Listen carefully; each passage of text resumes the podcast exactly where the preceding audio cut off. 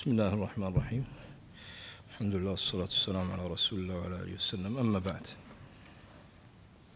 كل هذه المقدمات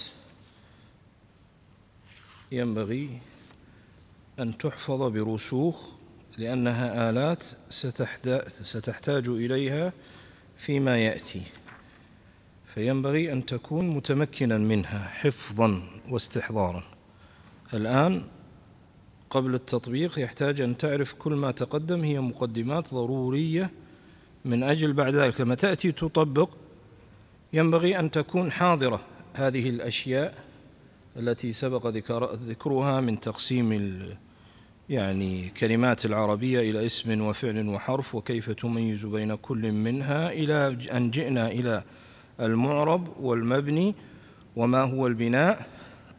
وقدم لأن لأنه أحصر وأخصر وتبين لنا يعني متى يكون الاسم مبنيا إذا أشبه الحرف وتبين لنا أن شبه الحرف يكون على ثلاث أنحاء ثم تبين لنا أيضا أن الفعل متى يكون مبني وأن المعرب منه إنما هو المضارع في بعض الصور وبعض أحكام هذا المضارع إلى أن جئنا إلى أن الحرف الأصل فيه البناء وأن كل الحروف مبنية.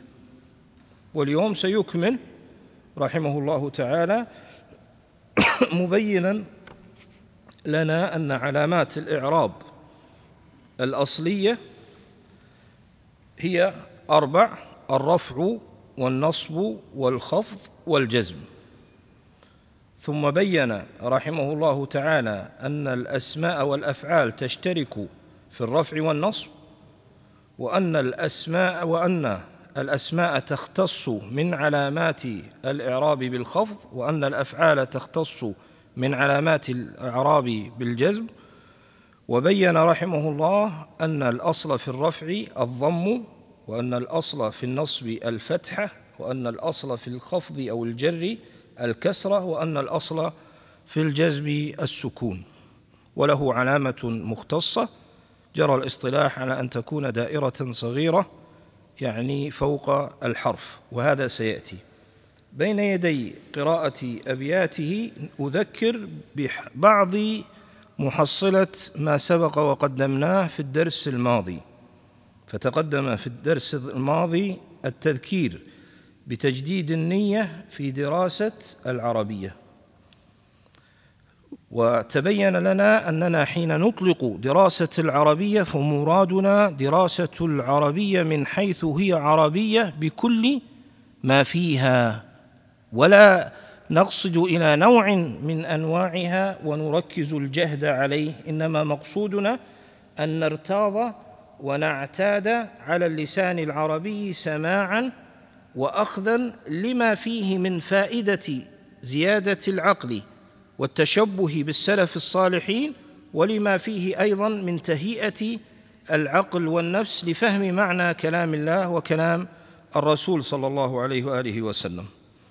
إذن فليس مقصودنا بدراسة العربية أو عنايتنا بها ما قد يريده بعض من يحبها من أجل الأدب والتفنن وأشبه ذلك وإن كان ذلك ليس بحرام.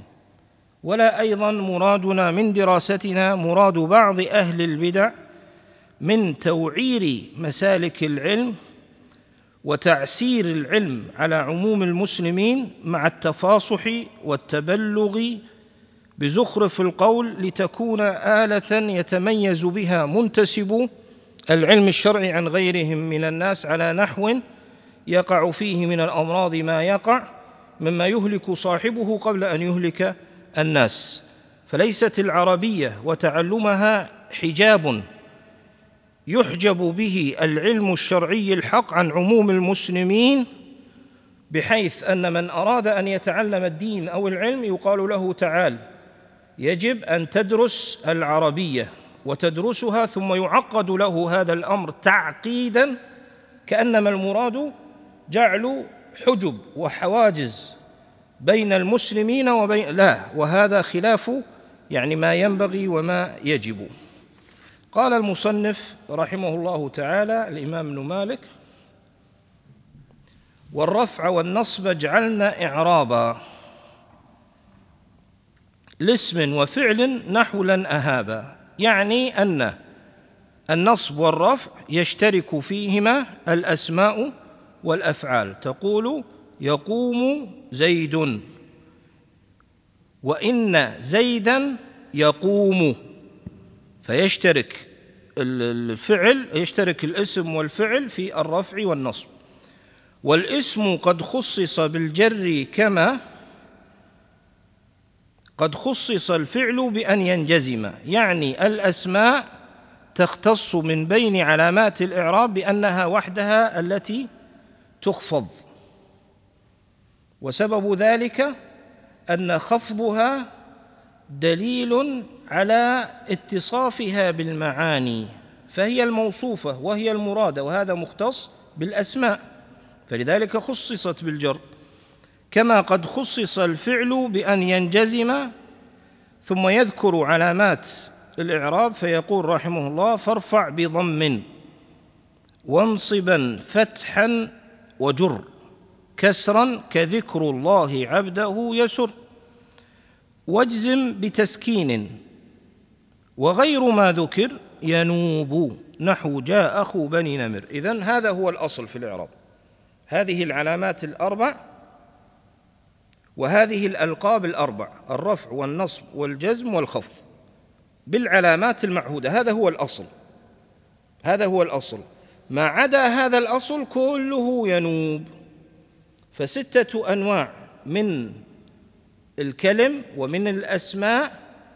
ستة أنواع ستأتي ذكرها مفصلا كلها يكون فيها الحركات التي يعني أحوال آخرها يكون نيابة عن هذه الحركات. وهذه النيابة تكون في عشرة عشر مواضع سيأتي تفصيلها. كل منها بعضها ينوب في ثلاث بعضها ينوب في اثنتين وسيأتي وسيبتدئ رحمه الله. أول ما يبتدئ بالأسماء الخمسة التي هي ذو ونحو أبو وأخو وحمو ونحو ذلك. وهذا سيكون موضع موضوع الدرس القادم إن شاء الله تعالى والله أعلم.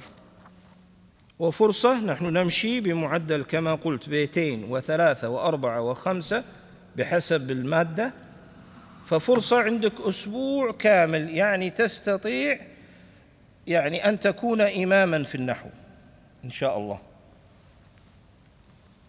جزاكم الله خير